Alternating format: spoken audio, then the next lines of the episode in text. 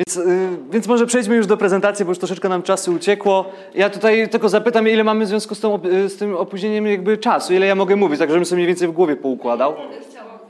Ja, to ile Państwo będą ode mnie chcieli, może tak. Ale żeby było ciekawe, to i tak. To 45 plus pytania. To, to ja się postaram w pół godziny, a potem ewentualne pytania i tak dalej. Natomiast y, ja zachęcam Państwa też tutaj do zadawania różnego rodzaju pytań w trakcie. Jeżeli to będzie jakieś takie bardziej skomplikowane pytania, albo które nam powiedzmy rozwlecze coś, to wtedy możemy ewentualnie przełożyć na później. A dzisiejszy temat a propos milenialsów to jest bardziej dla nas taki pretekst do rozmowy. E, Chciałbym pokazać, y, co, co tak naprawdę nas czeka, czego już, co już istnieje na rynku i co przyjdzie do nas za chwilę. Myślę, że tutaj jak rozmawiam tutaj z panem Bogdanem, to troszeczkę nam się, zresztą w naszych rozmowach często te tematy się przewijają, troszeczkę tutaj się y, uzupełnimy. Jeżeli chodzi o mnie, ja nazywam się Marcin Kapusta, więc myślę, że przynajmniej nazwisko takie łatwe do zapamiętania. I tak upraszczając to, po prostu zajmuję się przedsiębiorczym wykorzystywaniem nadchodzących trendów, głównie społecznych i ekonomicznych. I na podstawie tego tworzę projekty i doradzam głównie moim znajomym i mamy różne takie środowiska biznesowe, y, ludzi mniej więcej mojego pokroju. Y, Żeby też wiedzieć, ja często się opieram o różnego rodzaju metodologie, więc moje rozmowy często nie są jakimiś takimi pustymi frazesami, pustymi słowami, co by było gdyby. Nawet jeżeli rozmawiamy o, o przyszłości, to jesteśmy w stanie wychwycić pewnego rodzaju trendy i one mają bardzo mocne zakorzenienie w metodologiach i przewidywaniu. I właśnie tu jest foresighting, to chyba najbardziej luźna, cybernetyka, zwłaszcza psychocybernetyka, cybernetyka społeczna, polska szkoła i prakseologia, czyli nauka o ludzkim działaniu. I to, co chciałbym Państwu pokazać, to na czym się będziemy też często skupiać, to jeżeli weźmiemy tutaj, że to jest krzywa walorów, czyli to, jaki mamy my indywidualny potencjał, jakie ma nasze biuro, jakie ma nasza firma, to, to tutaj mamy krzywą trendów. I to, do czego ja najbardziej zachęcam, to jest tak zwana krzywa Gaussa, czyli jeżeli, y, jeżeli weźmiemy pod uwagę krzywą Gaussa, jeżeli weźmiemy pod uwagę wzrost ludzi, to większość z nas pasuje się gdzieś po środku. Są osoby ekstremalnie wysokie, są osoby ekstremalnie niskie. Tak, jeżeli mówimy o otyłości, no to na przykład też są osoby mniej więcej w jakiejś średniej, są osoby, które są bardzo otyłe i są osoby, które są bardzo szczupłe. Tak wygląda Gauss. Jeżeli weźmiemy nas indywidualnie albo naszą firmę, to są pewne nasze bardzo unikatowe atuty i są pewne rzeczy, których my jesteśmy bardzo słabi. To, do czego ja zachęcam, idąc za Instytutem Galupa, to skupienie się na swoich mocnych stronach i je rozwijanie maksymalnie i podeprzeć się na fali wznoszącej trendów. I teraz, czym jest trend? I to jest właśnie ta fala, którą mieliśmy mieliśmy wcześniej. Trend y, można podzielić na cztery takie etapy. Pierwsze to jest foresight zone. To jest taka strefa, która przyjdzie do nas za najbliższe 20, 30, 50 lat. Ona jest bardzo taka jeszcze niewidoczna. Druga rzecz, druga sprawa to jest innovation zone, czyli innowacje, coś, co już widać na rynku i ma wyraźną falę wznoszącą. Następnie jest strefa reactive zone, czyli moment, kiedy wszyscy zaczynają się ładować na pokład i w pewnym momencie mamy taki, taki świat new normal, czyli coś, co do niedawna była totalną nowinką w naszym świecie, nagle staje się rzeczywistością. I takim przykładem sztandarowym, który ja bardzo lubię pokazywać, to są smartfony. Jeżeli popatrzymy na rynek smartfonów, te 10-15 lat temu smartfona nikt z nas nie miał. Ludzie mieli jeszcze może telefony komórkowe, ale to też nie było totalnie powszechne. Natomiast i to jest strefa Foresight Zone. I pojawiały się już pierwsze telefony podobne do pierwszego iPhone'a. One już były, ale nie był ich czas. Natomiast Innovation Zone, można powiedzieć, że ten moment to jest moment, kiedy Steve Jobs ogłosił nowego iPhone'a. I nagle zaczęła się cała innowacja.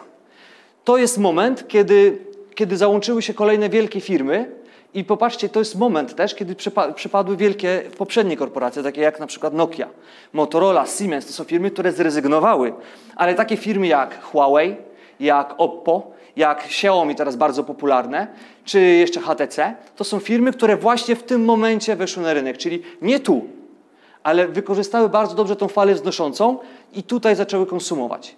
Natomiast w tym momencie, gdybyśmy chcieli wejść na rynek smartfonów, nie mówię, że jest to niemożliwe, ale jest to bardzo, bardzo trudne. Dlatego, że y, nastąpiło pewnego rodzaju nasycenie tym trendem. I teraz wszyscy czekają na tą nowość. No, nawet jak iPhone się ogłasza nowy, no to tam są, no, miał wcześniej trzy aparaty, teraz ma cztery. No, jest jakaś innowacja, ale to już nie jest to. To jest już new normal. I teraz prawdopodobnie, gdybyśmy popatrzyli na Państwa, to zakładam, że 95-9% e, ogólnie naszych znajomych ma smartfony. Może nie to starsze pokolenie, ale jeżeli mówimy o przedsiębiorcach, jeżeli mówimy o młodszych pokoleniach, to są ludzie, którzy zaadoptowali, dla nich to już jest normalność. Więc o tym będziemy dzisiaj troszeczkę rozmawiać. To jest tak zwana mapa trendów. To jest z Instytutu e, Infuture Natalii Hatalskiej. Ja dzisiaj też będę się trochę do tego odwoływał, bo akurat w tamtym tygodniu wyszedł najnowszy raport, który zrobiła we współpracy z Delem i są tam bardzo ciekawe informacje dla Państwa, bo zrobili badania na podstawie e, rozmów z przedsiębiorcami. E, I to wzięli pod uwagę małe przedsiębiorstwa, średnie, duże i korporacje i do tego rozstrzał branż też był bardzo duży.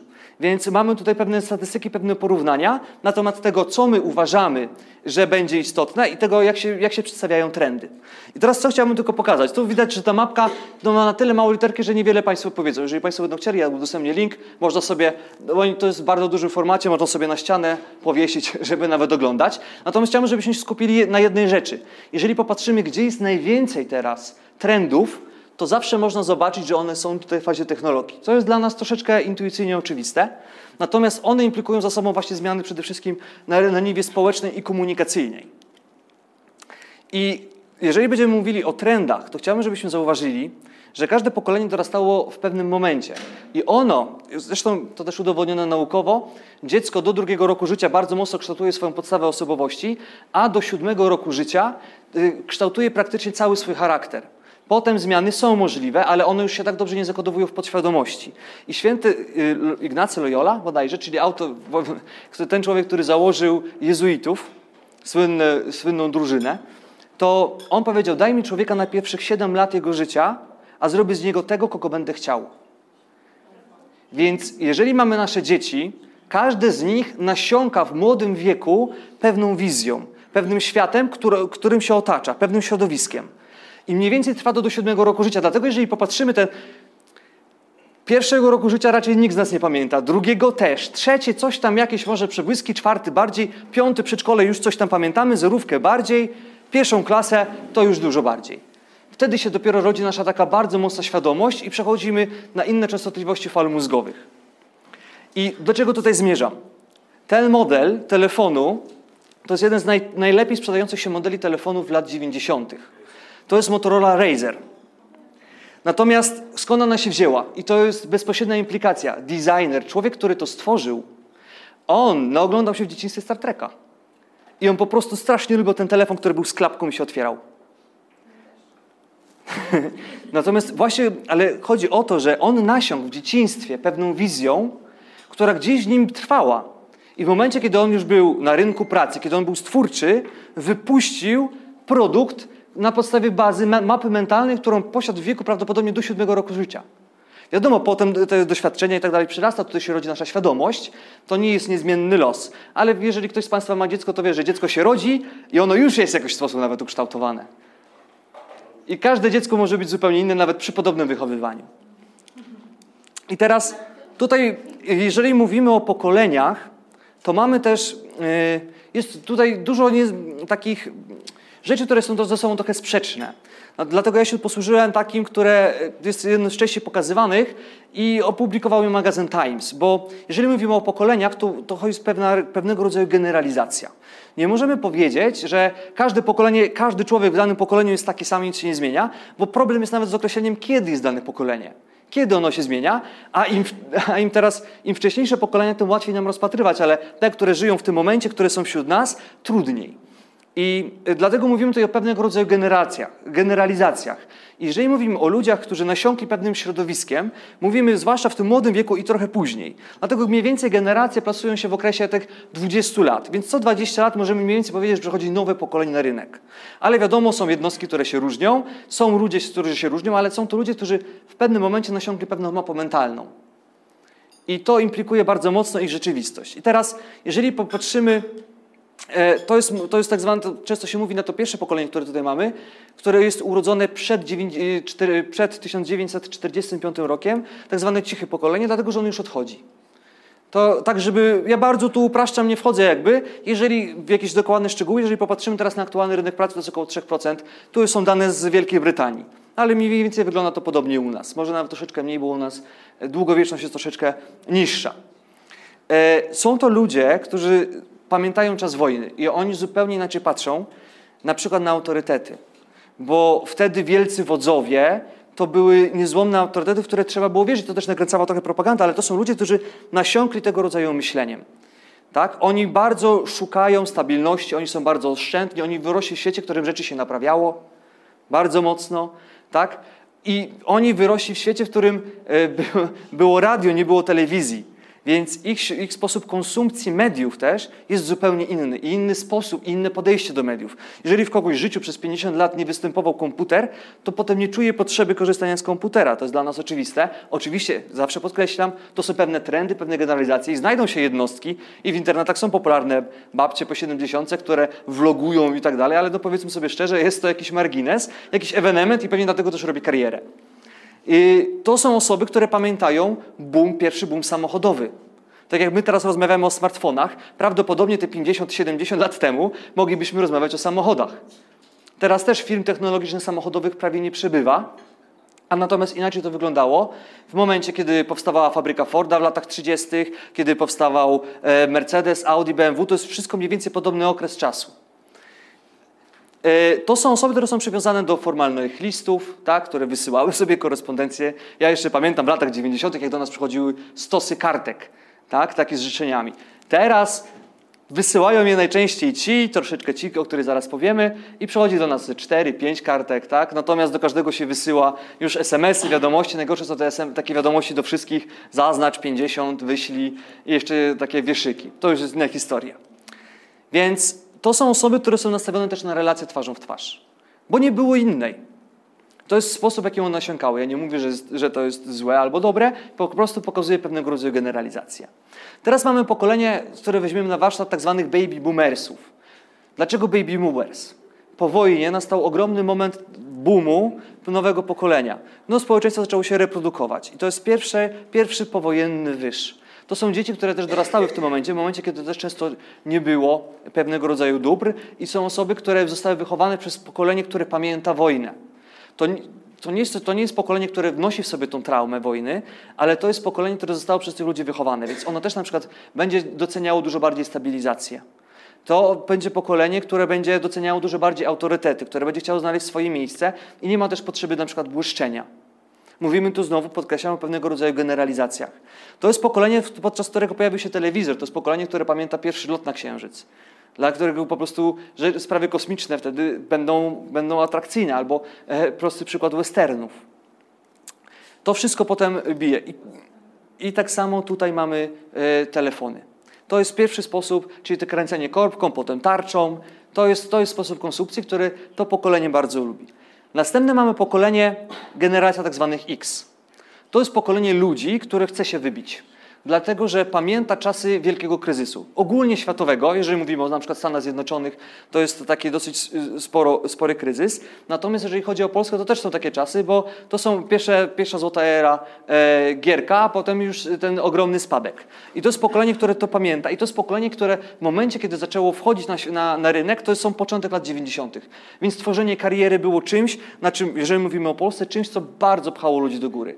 Więc to byli ludzie, którzy potrafili, pamiętając doświadczenia powiedzmy nasiągnięte z dzieciństwa, jakichś strat, jakichś, jakichś problemów, kryzysów, dużo zarobić, pokazać się, gdzie symbole statusu, tak jak samochód, szybki samochód, jak, jak luksusowa willa, które pamięta się nawet z lat 90., można obejrzeć na przykład e, Chłopaki nie płaczą nawet, kiedy tam siara siedzi w swojej wielkiej willi z basenem e, i, jak to, i jak to wszystko tam wygląda. Proszę? Killer, tak. Tak. No i to jest a propos tego pokolenia. To są osoby, które pamiętają pierwsze personalne komputery. To są osoby, które lubią mieć swoje miejsce w hierarchii, ale które chcą się już wybić, ale one akceptują hierarchię i próbują się wybić po szczebelkach, po karierze. To są osoby, które konsumują komputer, rozumieją maila, ale te kolejne rzeczy już dużo trudniej przyszły, bo to nie był świat ich naturalny. Teraz trochę się rozwinąłem, natomiast no, to nie sposób jest, ja i tak bardzo tutaj skaczę po można się spodziewać, że to są dużo szersze opisy, prawda? E, natomiast zajmijmy się generacją Y, czyli milenialsami. To są osoby, które wyrosły w świecie dobrobytu. Ja jestem 89 rocznik, więc ja pamiętam tyle, że komuna była, mniej więcej szarość, urodziłem się w Ustrzykach Dolnych, więc powiedzmy, że tam komuna trochę dłużej żyła.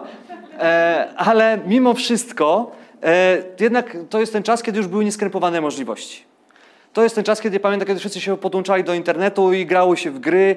To już jest inny sposób, kiedy rodzice ganili, ile można siedzieć przed tym komputerem, a sami siedzieli przed telewizorem, tak? No bo to jest to pokolenie telewizora, a to jest to pokolenie komputera. To jest, y, to jest to pokolenie, które nie lubi autorytetów. Bo to jest, to jest czas, kiedy tak duża ilość mediów już pokazać zaczęła, znaczy nie lubi. No, jakby to jest moment, kiedy oni zobaczyli, że mogą sami zostać y, idolami, sami zostać celebrytami. To jest pokolenie Bravo Girl, tak? To jest pokolenie, y, które, y, które już zobaczyło pierwsze, powiedzmy, jakieś pudelki, które mogło zabłysnąć na Facebooku, zabłysnąć na YouTubie, gdzie gwiazdą można było zostać w miesiąc. Więc jeżeli będziemy o nich mówić, to też będą na przykład niecierpliwi. I teraz mamy coś ciekawego. Tu jest problem, kiedy te, tak naprawdę ten przeskok przez, się pojawia. Tu mamy o generację Z. Generacja Z niedługo będzie wchodziła na rynek. I też ciężko jest, mówię, wysnuć ten moment, bo jak Państwo popatrzą tutaj, można zobaczyć pewien przedział 20 lat, to jest nawet więcej, no to jest 15 lat, a tutaj to jest moment taki bardzo świeży. Ciężko też powiedzieć, bo to są bardzo młodzi ludzie i młodość też ma swoje pewnego rodzaju prawa. Natomiast co ciekawe, będzie to pokolenie na pewno bardzo kreatywne. Tak się już okazuje. I to będzie pokolenie, które już nie patrzy tak na autorytety i bardzo dobrze rozróżnia reklamę i bardzo dobrze rozróżnia fake news. Bo to jest powiedzenie, które, które działa w ich czasach. W pokoleniach powiedzmy tutaj, czyli tych, tego cichego pokolenia, to była propaganda, teraz to jest fake news. Natomiast to są dzieci, które już wiedzą od razu, co jest reklamą, a co nie jest reklamą, bo już ich mózgi nawet zostały do tego stopnia wysterowane. To robi jego, ich podświadomość, a nie nasza zakorzeniona świadomość. Więc o milenialsach często mówi się, że są samolubni, narcystyczni, uzależnieni od telefonów, leniwi, niecierpliwi, nadwrażliwi. Jak jechałem do Państwa, słuchałem takiego człowieka, który ma bardzo dużą firmę mediową. E, może Państwo kojarzą Garego Warreńczuka. Ksywkę ma jakby taką, żeby łatwiej było Amerykanom wymówić Gary V. To jest pokolenie Xów. To jest człowiek, który urodził się e, na Białorusi i był emigrantem, razem z rodzicami pojechał i dorastał w Stanach Zjednoczonych i w tym momencie ma jedną z największych firm mediowych, zatrudnia 1000-2000 ludzi po całym świecie i tworzy kampanię dla największych korporacji na świecie. Natomiast całą swoją wiedzę przekazuje za darmo. Całą swoją wiedzę przekazuje za darmo. Potem możemy porozmawiać, jeżeli będą jakieś pytania, dlaczego tak jest, skąd się to bierze. On tworzy głównie też no, dla wszystkich, ale myślę, że jego głównymi odbiorcami są milenialsi, no bo powiedzmy sobie szczerze, który baby boomer będzie siedział namiętnie na YouTubie? No mało który, częściej chętnie weźmie książkę do ręki albo telewizor. Natomiast mówi się, do czego do niego mówię, on mówi, że to nie jest tak, że to media nas zmieniają, media pokazują, jacy, jacy my tak naprawdę jesteśmy. I one od, są naszym odzwierciedleniem. Więc tak jak kiedyś konsumowaliśmy telewizję, siedzieliśmy bezczynnie i klikaliśmy pilotem, tak teraz młodzież w inny sposób po prostu konsumuje media. I jeżeli chodzi o milenialsów, to chciałbym się tutaj skupić na kilka takich podstawowych rzeczach, które oni, to pokolenie nasze, powiedzmy, yy, mówię tu cały czas o generalizacji, a nie mówię tu o jakichś poszczególnych elementach, jakie firmy chcę prowadzić. Bo jeżeli Państwo popatrzą, firmy też na przestrzeni lat wyglądają w zupełnie inny sposób, dlatego że też technologia się zmienia, realia światowe się zmieniają, no i przez to te pokolenie, które nasiąkło pewnymi doświadczeniami, też się zmienia. I ja mogę mówić za siebie, ale też za te grupy przedsiębiorców, z którymi działam, bo jak wcześniej tutaj rozmawialiśmy, mam też taki wąski, taki klub biznesowy dla wąskiej grupy. Mam też teraz, prowadzę taki e, profil na Facebooku, taką grupę, która się nazywa Towarzystwo Przedsiębiorców i Liderów i wiem, że większość osób w ten sposób prowadzi biznes. Są to często biznesy jedno, dwu, trzyosobowe i bez ambicji na więcej. I nie dlatego, że nie chcą rozwijać wielkich firm, tylko dlatego, że chcą na przykład automatyzować procesy. Nie wiem, czy Państwo kojarzą taką książkę jak Czterogodzinny tydzień pracy Timoteja Ferisa. Super. Ja właśnie na tym podstawie stworzyłem mój pierwszy produkt, y, właśnie o którym wcześniej rozmawialiśmy, czyli batony z pyłku kwiatowego. Czyli książka opiewa o to, jak tak naprawdę stworzyć czterogodzinny tydzień pracy. I faktycznie się da. W tym świecie aktualnym się da. To trochę potrwa. Natomiast to jest biznes, który opiera się nie o to, żeby się zapracowywać, jak na przykład Xy, i piąć się po szczebelkach kariery, tylko żeby stworzyć sobie wygodne, fajne życie i mieć czas na przykład na podróże. To jak dlatego Instagram może jest takim odzwierciedleniem tego obecnego pokolenia, gdzie co chwilę są jakieś ładne fotki, trochę tam za dużo blistru jest w tym wszystkim, ale ono pokazuje pewien lifestyle, pewien, pewną rzecz, do której ci współcześni przedsiębiorcy dążą. Wiadomo, że każdy chciałby mieć ogromny dom, willę z basenem, ale Państwo już pewnie mając swoje doświadczenie biznesowe wiedzą, że to wcale nie jest takie łatwe. I czasem okazuje się, że warto po prostu mieć małą firmkę, która daje fajne pieniądze. Natomiast ja mam znajomych, którzy mają małe firmki, ale zarabiają ogromne pieniądze, miesięcznie na przykład 100 tysięcy, tylko dlatego, że potrafią puścić dobrą reklamę w internecie. Właśnie nawet przed chwilą tutaj widziałem, że znajomi, teraz uruchamiają nowy projekt, do którego mnie zapraszają i już pokazują mi swoje wyniki. Są naprawdę spektakularne, bo kampania, która kosztuje 6 zł za pozyskanie klienta, daje klienta, który jest wart 2000 zł. I oni powiedzmy puszczają taką kampanię za 10 tysięcy miesięcznie i mają klientów na można sobie przeliczyć, ale to jest już około wiem, chyba 400 tysięcy mniej więcej takie kwoty. Wszystko przez automatyzm, wszystko przez internet. Ale paradoksalnie też trzeba się spieszyć, bo pewien sposób nasycenia mediów też następuje. I kto z Państwa korzysta z Facebooka i próbował coś publikować na Facebooku 8 lat temu, a teraz, zobaczy, że zasięgi są nieporównywalnie niższe. Ja pamiętam case mojego znajomego, w 2009-2010 roku, mniej więcej to był jakiś taki okres, i było takie tanie wino marki Commandos. Nie wiem, czy Państwo kojarzą. Ja byłem młody i piliśmy takie. I okazało się, że to wino odchodzi z rynku.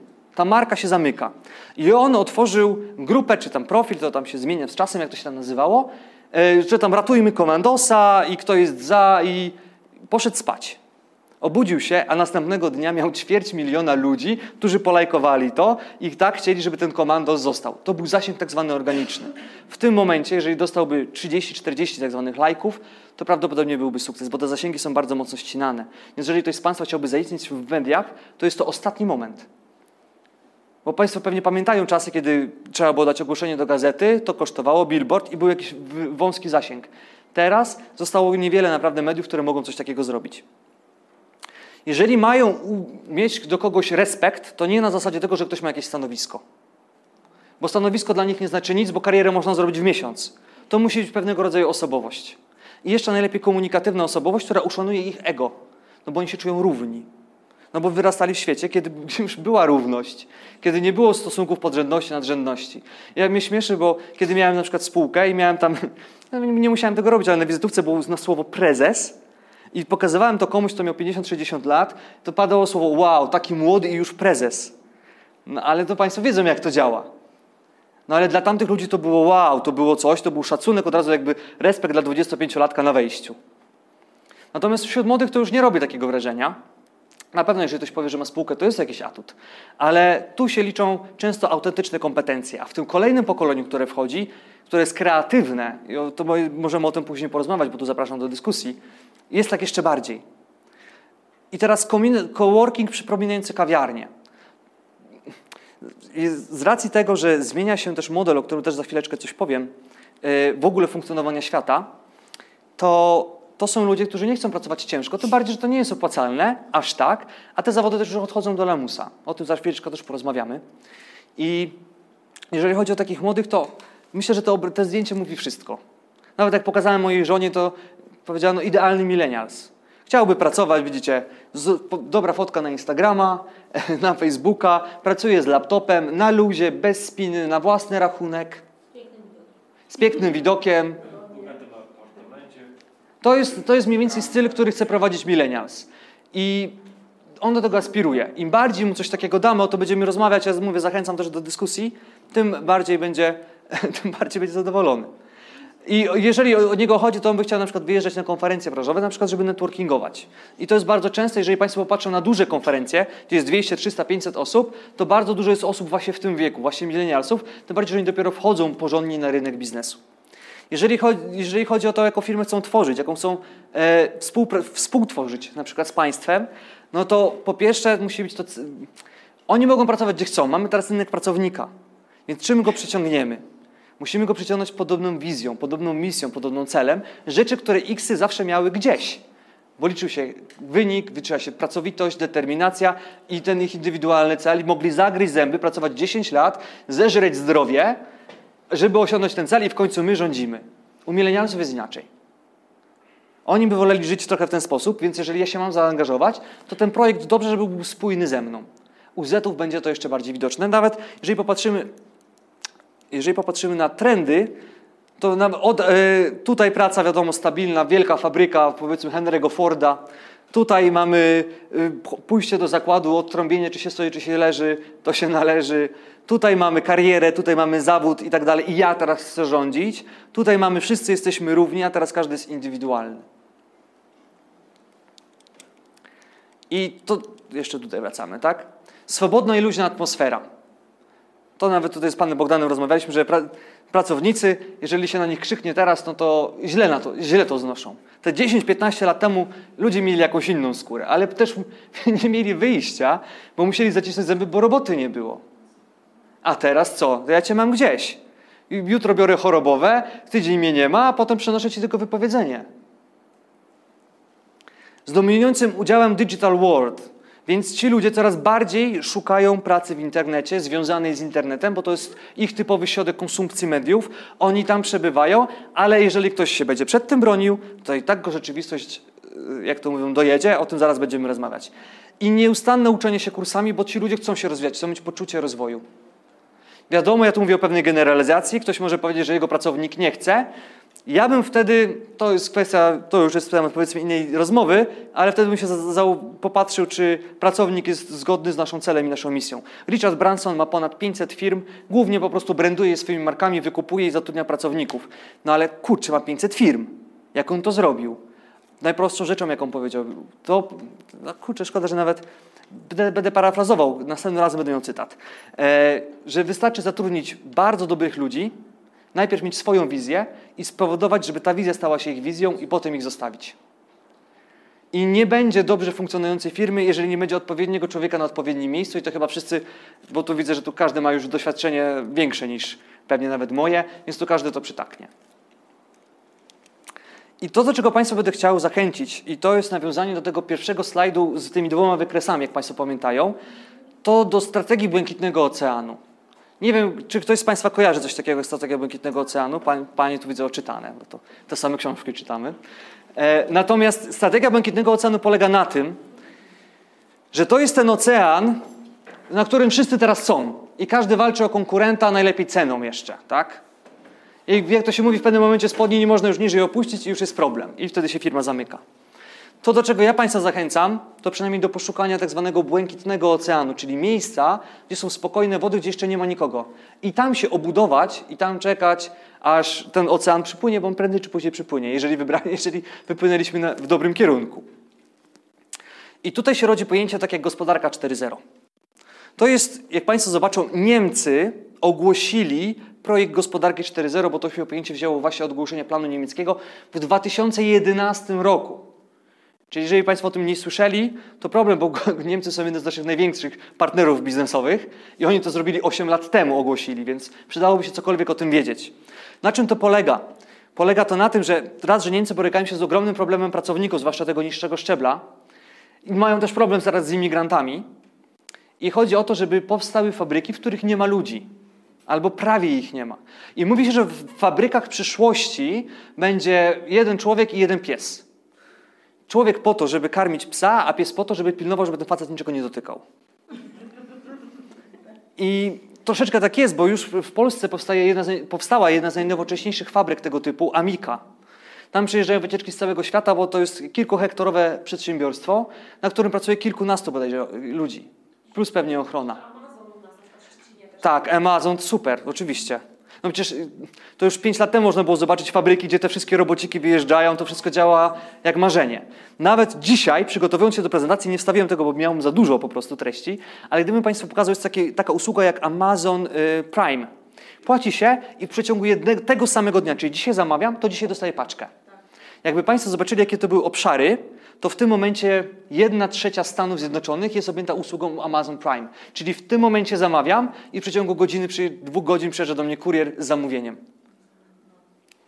W Japonii, z racji tego, że są problem z płacą minimalną, bo to jest bardzo wysoka tam jest płaca minimalna, nie ma ludzi, którzy mogą stać na kasach jak w żabce. Więc tam się już teraz zbiera, idzie się z koszyczkiem, kładzie się koszyczek na takim miejscu i się zabiera koszyczek. To jest wszystko taki świat będzie. Dlatego, dlatego pracowników będzie coraz mniej i to, co Państwo... A, tu może pokażę teraz ten slajd, bo to, o tym zaraz będzie. To, co chciałem Państwu pokazać, bo to jest dla mnie niesamowite. Ja myślałem, że to będzie... Ja mówiłem do tej pory, że to będzie za jakieś 10-15 lat. A okazało się, że szybciej. Że jeżeli chodzi o Stany Zjednoczone, to szacuje się, że przedsiębiorców, czy osoby, które prowadzą własną działalność gospodarczą, zależy jak to rozumiem, jako formie freelancer, taki powiedzmy ensemble, a ewentualnie kilka osób, to będzie około 50% społeczeństwa. I to będzie za 8 lat. To musimy sobie to uświadomić, więc rynek dla państwa jest przeokrutny. Przynajmniej na razie, bo to o tym też możemy zaraz porozmawiać. Oj, tutaj. Więc jeżeli mówimy. Czy pani coś chciała? Przepraszam, nie, muszę odprawić. A, dobrze, bo tak widzę ręka w górze.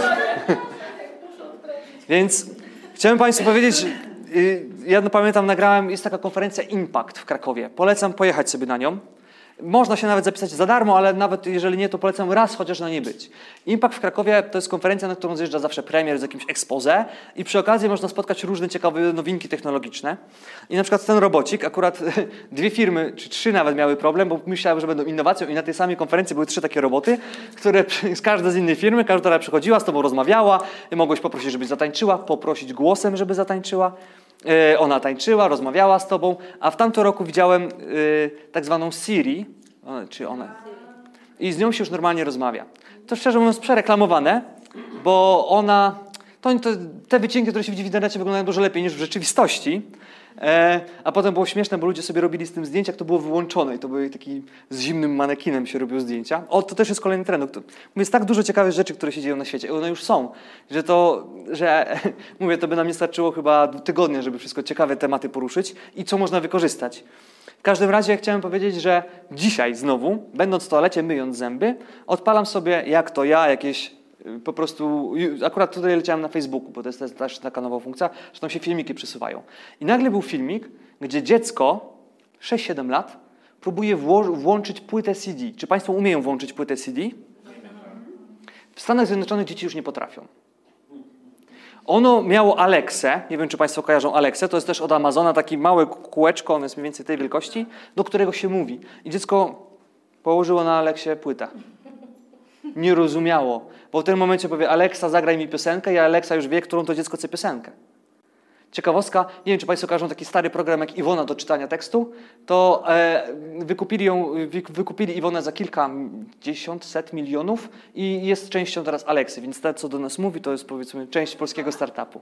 Iwona, tak. Dlatego Iwony już jako takiej nie ma, jest Alexa. Też ładnie, też żeńsko. Więc chciałem Państwu pokazać, jaka rewolucja. A ciekawostką jest jeszcze to, że z Alexy, Siri albo e, Google Home'a korzysta 70% Amerykanów w tym momencie. To można powiedzieć, że to jest Ameryka, no ale Państwo już dobrze wiedzą, że do nas trendy z Ameryki przychodzą nie tak jak za komuny 15, 20, 30 lat później, tylko 2-3 lata. To jest mniej więcej taki, taki przedział. Problem jest inny, jeżeli chodzi o tą technologię, to, że ona obsługuje angielski, a my mówimy po polsku i to jest problem z przekładaniem. I te tłumaczenie też dopiero się wzmacnia, więc pewnie tylko dlatego to jest obsłówka, ale jeżeli Państwo, kto z Państwa ma telefon z Androidem, to już w tym momencie ma Google Go, tak? Z tego co kojarzę, może do niego już mówić i my teraz na imprezie czasem jak jesteśmy ze znajomymi mówimy Alexa, znaczy te Google, e, ok Google, powiedz kawał. I ona mówi kawały na przykład. No. Ale no, kto by pomyślał 30 lat temu, że tam telefon będzie opowiadał suchary, tak? Kto by pomyślał 10 lat temu, że ta Motorola Razer będzie opowiadała suchary? No nikt. Ale jak się nie, to nie rozumie. Myślę, że to jest kwestia czasu, aczkolwiek były takie ciekawostki. Ciekawostkę powiem. Stworzono y, taki algorytm bota na Messengerze. O tym też będę zachęcał Państwa, żeby odpalali boty.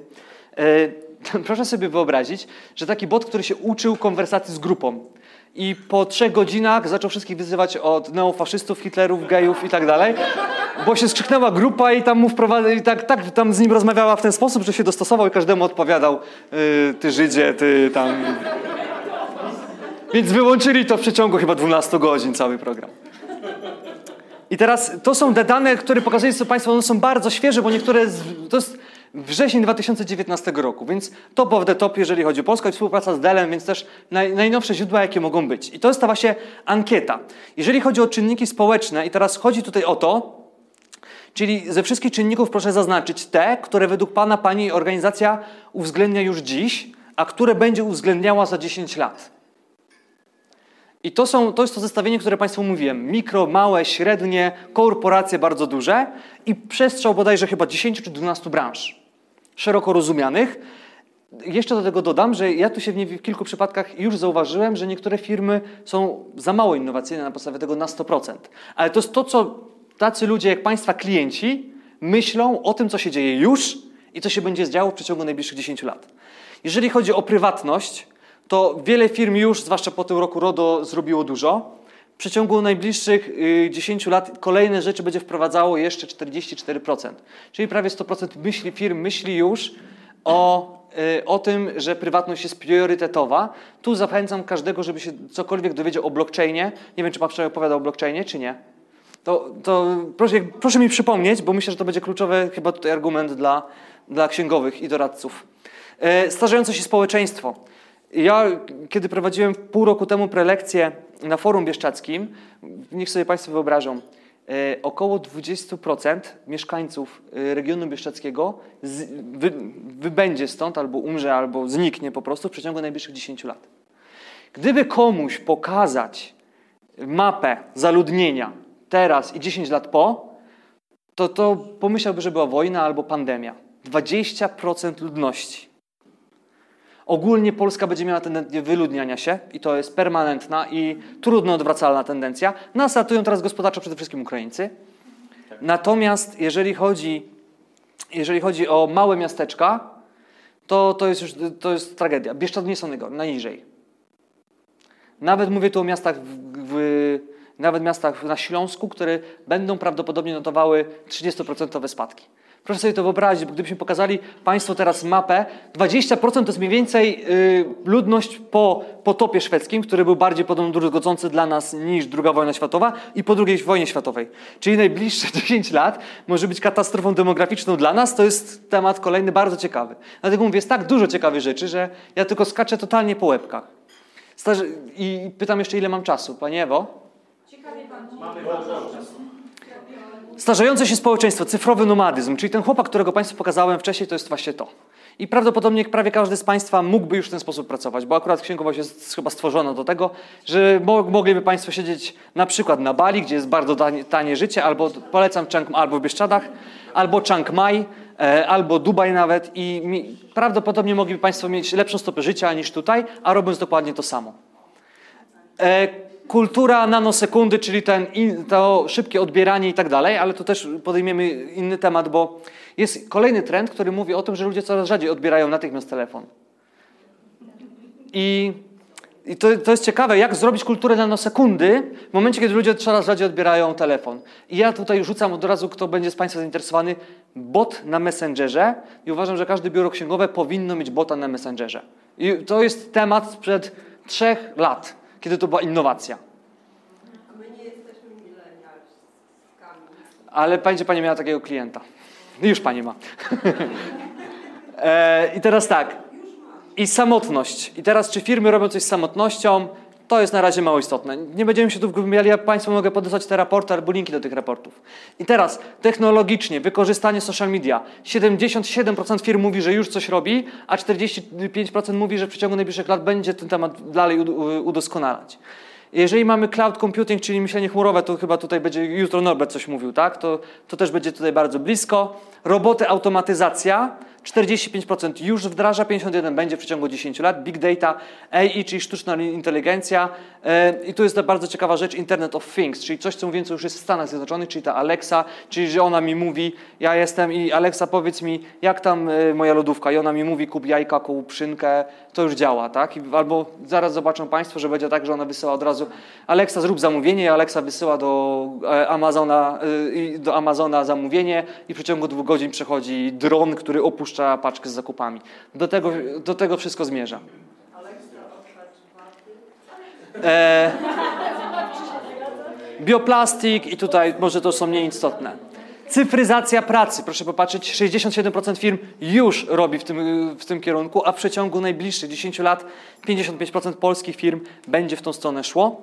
E, przedsiębiorczość, czyli troszeczkę ten temat bardziej przechodzenia na umowy B2B, Proszę bardzo, 56% firm, państw, pewnie Państwo też już zauważyli u siebie te trendy, a w przeciągu najbliższych lat jeszcze przynajmniej 36% też będzie w tą stronę szła.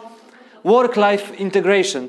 Chodzi o to, jeżeli, jeżeli Państwo popatrzą, pewnie znany jest ten cytat, że jeżeli Twoja praca będzie Twoją pasją, to nigdy w życiu nie będziesz szedł do pracy.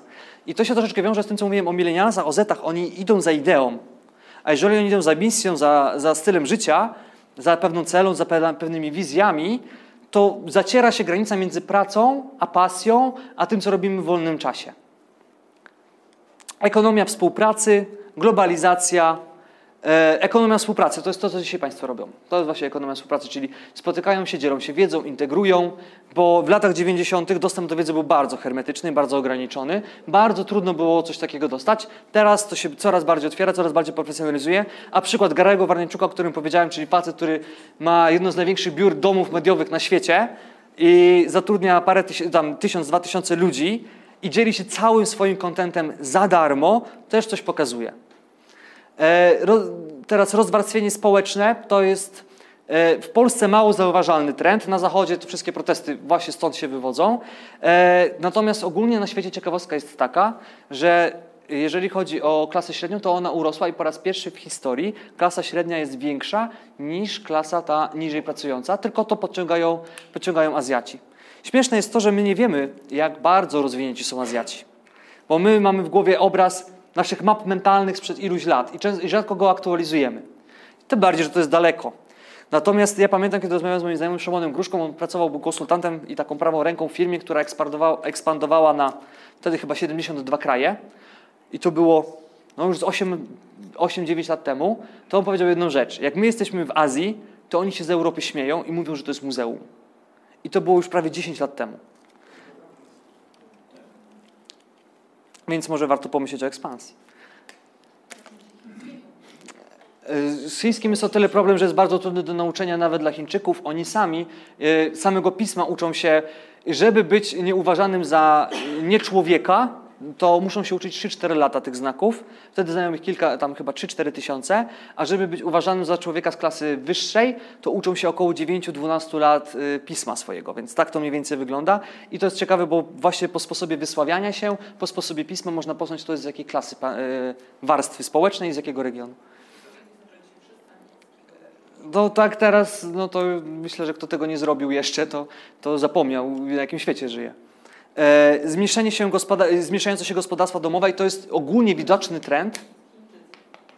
E, to jest ogólnie widoczny trend, że gospodarstwa domowe się zmniejszają. W Polsce największy segment w tym momencie to są, domy, to są e, jednoosobowe gospodarstwa domowe. W Polsce już w tym momencie. Natomiast widzę, że polscy przedsiębiorcy jeszcze tego nie widzą. Myślę, że widzi to ta młoda branża rynku nieruchomości, gdzie dzielą mieszkania na trzy, tworzą jednopokojowe kawalerki, dwupokojowe i takie rzeczy sprzedają. Lecimy teraz środowiskowe. Y, tutaj, co ciekawostka, przedsiębiorcy najmniej, najmniej się angażowali.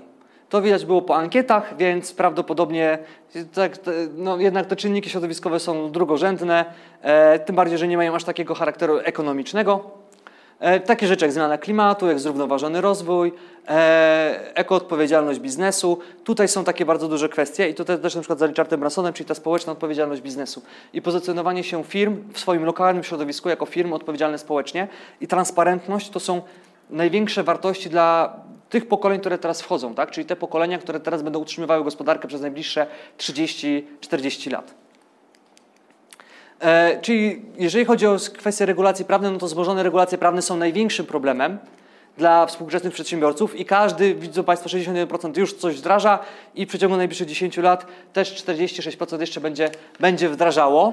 I transparentność właśnie jest tutaj kluczowa. W świecie fake newsów, w świecie tego, że każdy może teraz nagrać Insta Stories i puścić to do internetu, ta ludzka twarz człowieka, to niechowanie się za wielkim brandem, ta otwartość powoduje pewien, sto, pewien sposób y, pozyskiwanie kolejnego rynku i firmy to bardzo mocno widzą i tą transparentność też pytanie, jak to pod publikę, bo to wiadomo, że w ankiecie czasem ludzie sobie zaznaczają tak, jakby chcieli być postrzegani, że są transparentni. Natomiast światowy trend jest taki, że transparentność jest kluczowa. I skrócenie czasu pracy, i dochód podstawowy, To jest odrębna kwestia, natomiast skrócenie czasu pracy na świecie jest bardzo widocznym trendem i trend 6-godzinnego dnia pracy jest bardzo powszechny, tym bardziej, że jest bardzo dużo badań, które pokazują, że 6-godzinny pracy, pr- proces pracy, jeżeli mówimy o pracy intelektualnej, jest dużo bardziej efektywny niż praca 8 godzin. Może być to ciekawym case'em dla Państwa, może warto byłoby podnieść godzinówkę, e, ale pracować tylko 6 godzin. Ale powiedzmy tak, jak, tak, żeby, tak jakby to było 7-godzinowe, czyli zawsze coś można coś zaoszczędzić na tej płacy minimalnej. Tym bardziej, że myślę, że jeżeli dojdzie do zwiększenia płacy podstawowej, e, to też tutaj będzie ważny trend. A jeżeli zautomatyzujemy część procesów, co jesteśmy w stanie zrobić, to myślę, że to jest kwestia dla Państwa oczywiście, ale ja tutaj powiem, że są niesamowite już rozwiązania. I tutaj zmierzam jeszcze tego, nie bez powodu jest to napis Hollywood, dlatego że mówi się, że prawdopodobnie przyszłe zawody, przyszli milenialsi, oni chcą tak, zetki też tak chcą pracować, ale to też pcha w to rynek po prostu, że no, oni będą pracowali w systemie Hollywood. Myślę, że to łatwo sobie wyobrazić, jeżeli Państwo popatrzą, że jest jakiś film, do którego nagle się spotyka reżyser, y, producent, aktorzy, y, tam wszyscy styliści, cała ta plejada. Nagrają jeden film, mogą grać razem drugi, trzeci, bo czasem tak jest, ale się często po prostu rozchodzą po tym roku, po pół roku i tworzą nowy projekt. Najsilniej to widać w branży IT, gdzie tam przebierają po prostu w ofertach i po prostu, a trzeba zakodować, no to ja to zakoduję, dokończę ten projekt, potem przejdę do następnego, potem, potem, potem zacznę robić coś inaczej. A jeżeli mówimy o freelancerach, to będzie coraz bardziej powszechne.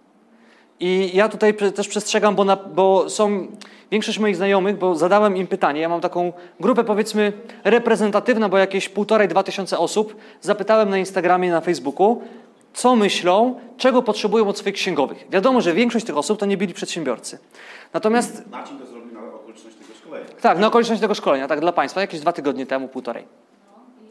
I okazało się, że oni najczęściej, poza tymi danymi, które się bardzo pokrywają, chcą mieć na przykład cyfrowo, bo nie rozumieją koncepcji papieru. Znaczy, po co? Zresztą Państwo też się często pewnie wkurzają, ja wiem, że czasem urzędy chcą. Oni chcą automatyzacji. Coś, co my sobie też na przykład cenimy, a propos tutaj zrobię reklamy trochę, ale nam też, to na- też nam się właśnie podobało, bo my mieszkamy w Sanoku, ale ja, no, moja żona woli usiąść przed tym, przed tym komputerem, akurat mamy Optimę, i siąść na tej Optimie i to zrobić, niż zanosić jakieś dokumenty, jakieś papiery. E, Dla nas było kuriozum w momencie, kiedy e, wysłaliśmy kampanię, e, zrobiliśmy kampanię na Facebooka, zafakturowaliśmy ją i się okazało, że to jest VAT-R i musieliśmy wysłać urzędowi zdjęcie tabliczki i biurka, tak? No to jest trochę kuriozum. No bo wyobrażam sobie, że taki digital nomad, to co on wyśle? Zdjęcie na plaży z drinkiem i palemką chyba, no bo chyba tego oczekują. To jest, ja wiem, że są pewne zapóźnienia w polskim systemie prawnym, natomiast większość oczekuje już pewnego rodzaju automatyzacji, ale ja bym poszedł krok dalej.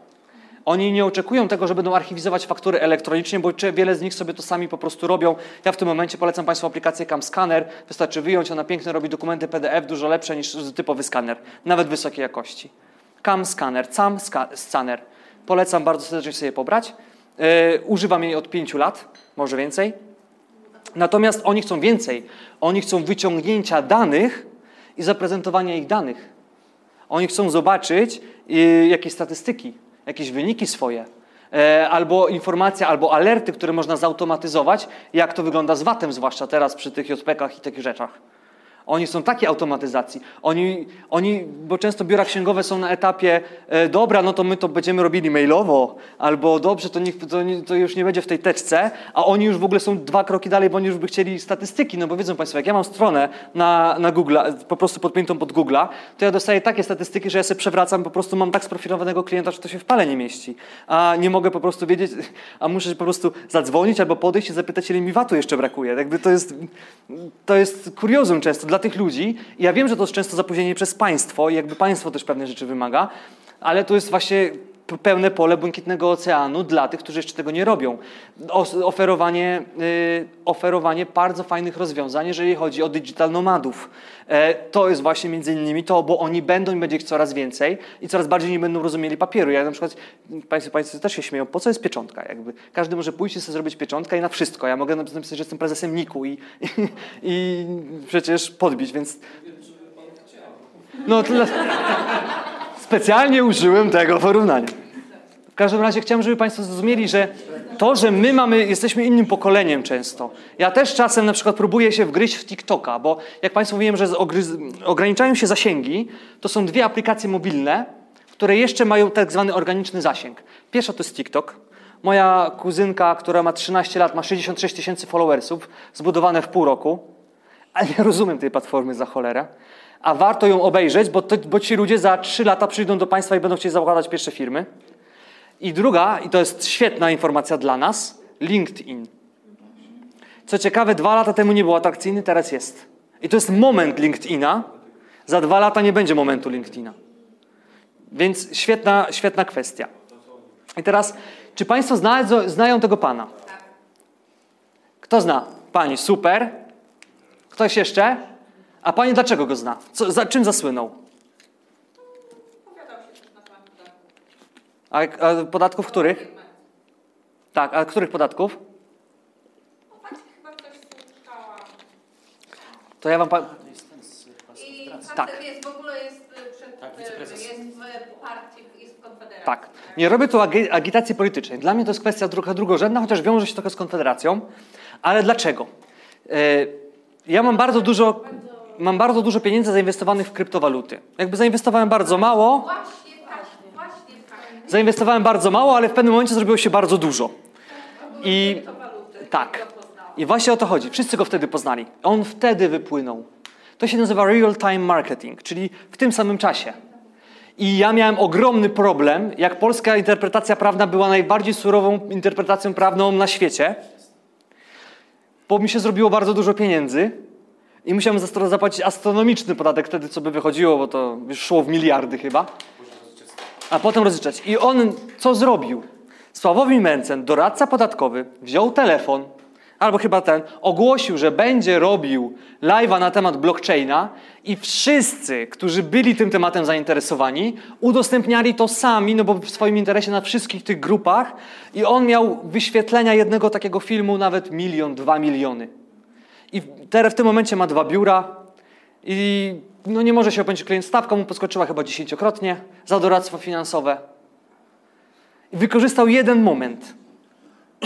A sam przykład, że o państwu, państwu teraz o nim mówię, też już coś pokazuje. Że znowu ten temat jest wałkowany, bo to nie jest tak, że ktoś coś raz obejrzy i zapomina.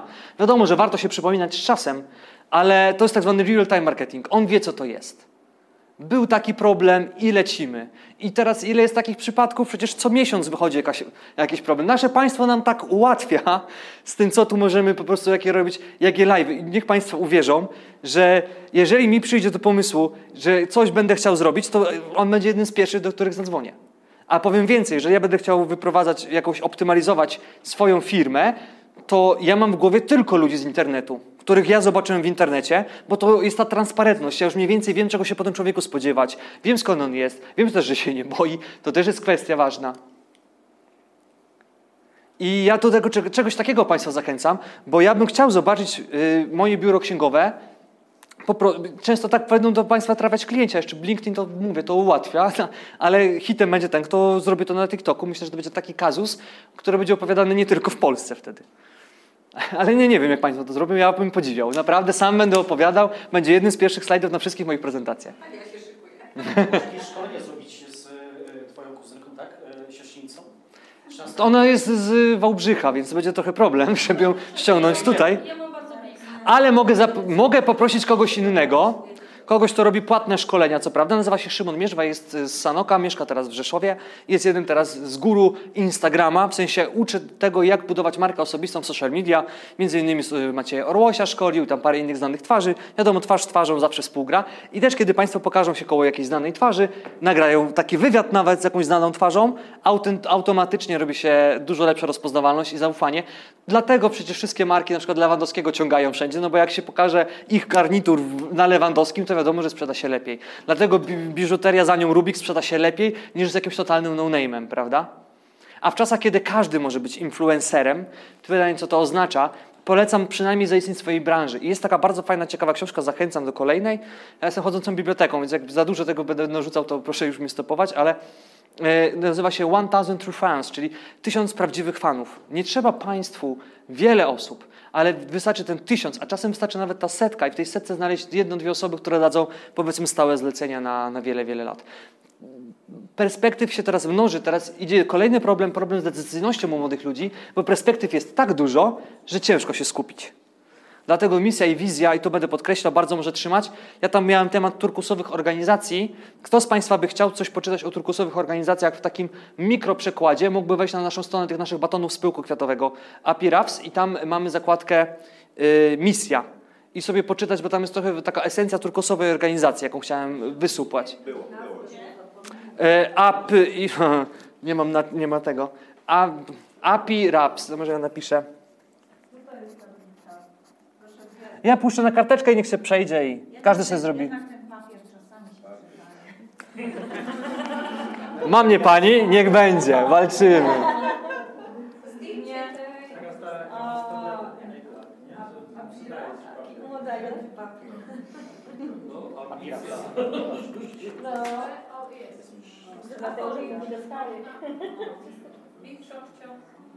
E, już będzie większa. Ściągą 100. Prawie przegrał. Można, tam jest taka bardzo krótka, a jakby ktoś chciał bardzo obszerną lekturę, e, to jest taka książka, tylko ja już nazwy w tym momencie nie pamiętam, profesora Blickle, od tych pączków Blicklego. E, On jest matematykiem, profesorem matmy, nie, nie turkusowych organizacji. Polecam chociaż przeczytać, chociaż trochę zrozumieć, albo książkę pracować inaczej Fryderyka Lalouche. E, On, właśnie to, od niego się wywodzi termin turkusowa organizacja. E, Jest dla mnie to termin kontrowersyjny, ja też wydam na ten temat książkę, e, bo uważam, proszę Państwa, że harcerstwo, scouting, nie wiem kto z Państwa był, mam nadzieję, że część była, rozwiązania, metodologia, która jest w pracy harcerskiej, bez tych mundurków, musztry, jest świetną po prostu kalką, którą można teraz przenieść do organizacji i ją zrobić organicznie, bo nie bez powodu jest to największa organizacja na świecie, która wyrosła organicznie i działa od ponad 100 lat. Więc to też pokazuje pewne rozwiązania i śmieję się, kiedy czytam jakieś innowacje, bo patrzę, że to harcerstwo to miało 100 lat temu i wtedy innowacją nie było. Po prostu wiele kotletów się też odgrzewa. Więc tu mamy Sławo, pana Sławomira Mencena. Yy, tak, on ma ponad ma 35 lat, ale wygląda na jakieś 25. I ciekawostka jest taka a propos Konfederacji, bo akurat mówię, mam go zalajkowanego i wszystko mi się już teraz jego wyświetla, bo nie chcę przegapić informacji o podatkach. E, I miał 18 tysięcy czy 16 tysięcy głosów e, i dziewięcioro kandydatów było niżej niego w jego okręgu, ale on się nie dostał. Taka ciekawostka. Może lepiej dla biznesu. E, to już miałem takie wisienkę na torcie, ale już tego nie będę, bo już nie chcę spamować. Po prostu przygotowałem kol- 30 trendów, które nadchodzą, ale myślę, że to już na tym etapie wystarczy, bo może Państwo mają jakieś pytania, e, może coś by chcieli porozmawiać, bo mówię, zachęcam do dyskusji. Ja wiem, że często tak dominuje rozmowę. E, natomiast Mamy czas, tak. Nie, bo tu kolejne wykłady. jeszcze są kolejne wykłady, ja sam chętnie po, posłucham. Gdyby miał Państwu... To może ja tylko wskażę takie rzeczy, które ja tak już jakoś tak podsumuję, bo bardzo dużo informacji dałem. Co, co według mnie wartościowe byłoby dla przeciętnego, e, dla e, z Państwa punktu widzenia, albo inaczej, dla mnie jako dla przedsiębiorcy. E, Internetowe rozliczenie ze wszystkim, statystyki i dane, szybka odpowiedź, przynajmniej zautomatyzowana, żebym wiedział, w sensie na przykład bot na Messengerze albo autorespondery, newsletter ze zmianami podatkowymi, najprostsza rzecz, jaką można zrobić, newsletter ze zmianami podatkowymi, albo nagrać filmik ze zmianami podatkowymi, a moim zdaniem bomba dla państwa, jeżeli ktoś ma więcej niż na przykład 100 powiedzmy klientów, pewnie większość, to po prostu zrobić networking. Takie spotkanie jak to, albo jednodniowe, jakieś warsztaty o podatkach, o rozliczeniach księgowych, że wśród przedsiębiorców, czyli to, co wcześniej rozmawialiśmy, że i tak potem najlepsze rzeczy się robi wieczorem, te networkingi. Dla tych przedsiębiorców będzie to kolejna wartość, która będzie jeszcze bardziej ich trzymała z państwem, bo będzie ich budowała kolejna relacja. Jest taka trenerka, nazywa się Kamila Rowińska, ona zwłaszcza dla kobiet polecam. E, Kamila Rowińska opowiadała, że ostatnio była na wódce z nauczycielami ze, ze szkoły jej dzieci. Bo to szkoła, wiadomo, prywatna w Gdańsku, ale dla tych... Proszę, w Gdy, tak, tak, no Gdynia ten, no w Gdyni pracuje, wiadomo, w Gdyni się pracuje, w, Gdań, w Gdańsku się pracuje, w Gdyni się mieszka, a imprezuje w Sopocie. E, I ona właśnie opowiadała o tym, że to jest świetne, no bo raz, że zna się tych nauczycieli, też troszeczkę innej stopy, to potem też nie, nauczyciele mają łatwiej, bo nie ma, że przyjdzie i nagle się na nich wydrze, co, dlaczego moje dziecko dostało jedynkę. I buduje genialne relacje. I to są relacje biznesowe, to są pewnie ludzie na poziomie. A powiedzmy sobie szczerze, jeżeli mamy przedsiębiorców, to są to pewnie ludzie o pewnym profilu charakterologicznym często. Y, Często są może wypchnięci, jeżeli to mówimy o jakichś freelancerach, na siłę, ale chciałbym zaznaczyć, że prowadzenie firmy, to też o czym rozmawialiśmy przed, przed szkoleniem, to jest coś zupełnie innego niż bycie księgowym. To są dwa oddzielne zawody. I tu polecam książkę Mit Przedsiębiorczości. Bardzo serdecznie polecam książkę, gdzie jest opowieść o kobiecie, która piekła ciastka i wszyscy ją namówili na to, żeby otworzyła firmę. I per, perturbacje i problemy, jakie potem się spotykają, myślę, że nawet z tej książki można zrobić typowe szkolenie dla swoich, dla nie tyle co pracowników, a dla swoich klientów. Zobaczą Państwo, jaka będzie wartość dodana. Bo, współ, bo wszyscy traktują księgowych jak doradców podatkowych. Przynajmniej ja nie spotkałem innej osoby, która, a ba, nawet doradców biznesowych. A najmniej, najmniej lubiane są te stare baby, które siedzą i ty chcesz coś od niej się dowiedzieć, a ona ci nic nie powie i najchętniej, żebyś prowadził działalność gospodarczą, bo, to, bo tylko to umie i, i tyle. I od tych się najczęściej ucieka. No taka jest prawda. No. Klienci też są różni, bo ja na przykład prowadziłam e, elektroniczne powiadomienia od początku swojej firmy, już w 2014 roku wszystko dostają klienci, e, co prawda w PDF-ach, tak, ale dostają informacje. E, I wierzcie mi, że jak potrzebują coś do banku, to i tak piszą do mnie maila, żeby im to wysłać. A to jest to inne pokolenie, prawda? Nie, nieprawda. To jest nam- Nieprawda, Różnie, trudno. Znaczy my mówimy o pewnych tendencjach, o pewnych trendach. Bardzo sobie to ceni. Ja tylko mówię, wysłałam pani to kiedyś tam i ona sobie odszuka, tak? Ale są, ludzie są, nie, to chodzi o lenistwo ludzi. O to- Ale to Ale właśnie dlatego mówię, no przecież kto statystyki, jakim cudem oczekiwać od księgowego, że on będzie statystyki mojej firmy robił? Ale ludzie są leniwi i oni właśnie chcą takich dodatkowych usług. Bardziej, bardziej teraz myślę o rozwiązaniu, żeby zrobić właśnie, żeby Facebook, Messenger. chmurze, nie, żeby w chmurze mogli sobie w każdej chwili wejść i wyciągnąć z tego, co potrzebują. Ale oni tego nie chcą. Ale tego nie chcą, oni już oni przychodzą na inne platformy. Już to jest dokładnie. Nie, no mail powiedzmy z księgowym jest bardziej oficjalny, to jeszcze się da, jak najbardziej, to też nie ma co odlatywać, powiedzmy, ważna rzecz, żeby nie odlecieć za bardzo też w trendy, bo można. Bo y, przykład że rozszerzonej rzeczywistości jest masa firm, która zainwestowała dziesiątki milionów, setki milionów w rozszerzoną rzeczywistość, czyli na przykład gogle VR-owe. I to będzie przyszłość. I zobaczą Państwo, że za 10 lat to będzie zupełnie inaczej wyglądało, ale to jeszcze nie jest ten moment. Jeszcze jedną ciekawostkę powiem, bo wysyłam co miesiąc, też, też od paru lat, wysyłam co miesiąc swoim klientom NS Litera podatkowego. E, po- To jest przegląd podatków, zmian w gospodarce, w podatkach, krótkie czasopismo, które Co ma, e, które, ja to kupuję. Ja to kupuję od doradców podatkowych, oni mi przysyłają, ja to dystrybuuję w formie elektronicznej. I wierzcie mi, któregoś razu wysłałam maila do wszystkich swoich klientów, ja tam jeszcze do znajomych, do tych, to tylko znajoma mi opisała, słuchaj, załącz załącznik. To, to, to ja może tu, może ja tutaj wejdę. Jeżeli chodzi o sposób konsumpcji mediów, bo mówię, puścić medium to jedno, konsumować medium, czyli jakby wykorzystywać je, to jest drugie. Jak ktoś by dostanie, a kolejny mail, nudny mail od mojej księgowej, który nic nie wnosi, to jakby tak tylko parafrazuję, no to każdy z nas dostaje tak dużo maili, że faktycznie no, y, 100 lat, no nie 100 lat temu, 10 lat temu, jak ktoś dostawał maila, to każdy czytał każdego. A teraz pewnie pani sama ma swojego prywatnego maila, gdzie ma pewnie, nie wiem, 80, 100 nieodebranych i nieprzeczytanych. Ja proponuję, i tutaj idę za Garem Warnieńczukiem, to jest propozycja, jakby można ją luźno traktować, yy, ale bardzo prosta metoda konsumpcji. Czyli bierzemy, jeżeli ktoś się może przemóc, telefon nawet, nagrywamy się, mówimy o zmianach podatkowych, to jest pierwsze. To już można opublikować, wysłać filmik. Druga rzecz, z tego można zebrać, tak jak ja w tym momencie, dźwięk. Albo nawet z wideo można zebrać dźwięk i wysłać podcasta, ktoś jedzie, e, e, jedzie samochodem do pracy i sobie może puścić. Trzecia, można zrobić transkrypcję albo ręcznie, to są bardzo tanie rzeczy, albo po prostu puścić, bo teraz Google to dosyć dobrze transkrybuje. Potem tylko lekko sobie poprawić i ma Pani trzy rzeczy naraz i można udostępnić w różnych formach mediów. A najlepsze, co Pani może zrobić, to puścić to w ogóle to na YouTube'a, na przykład. I wtedy na YouTubie y, ludzie sobie oglądają Panią, i to już jest pewien zasięg i też pani będzie pani ściągała innych klientów, którzy konsumują w ten sposób treści. E, Bo jeżeli mamy z kimś, kto się dogadujemy face to face, to on potem naturalnie z automatu przyjmuje, że w ten sposób się kontaktujemy. Jeżeli z kimś się kontaktujemy mailowo, on przyjmuje, że to jest jego forma. To jest docelowa forma, więc będzie Pani przeciekała innego rodzaju klienta. Taka, tak jest.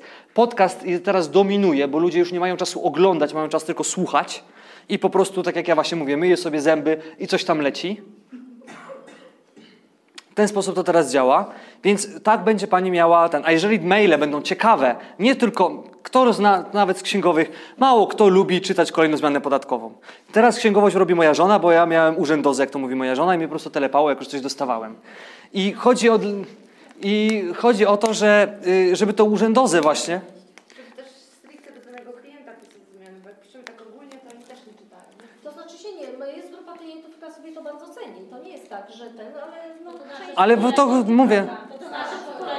Znaczy, ja mówię, to jest pewna generalizacja i w każdym pokoleniu znajdą się różne grupy, prawda? Faktycznie bardziej wykształceni ludzie to sobie to przeglądają, nie, bo tego się nie czyta od deski do deski, każdy sobie wybiera artykuł, który go interesuje.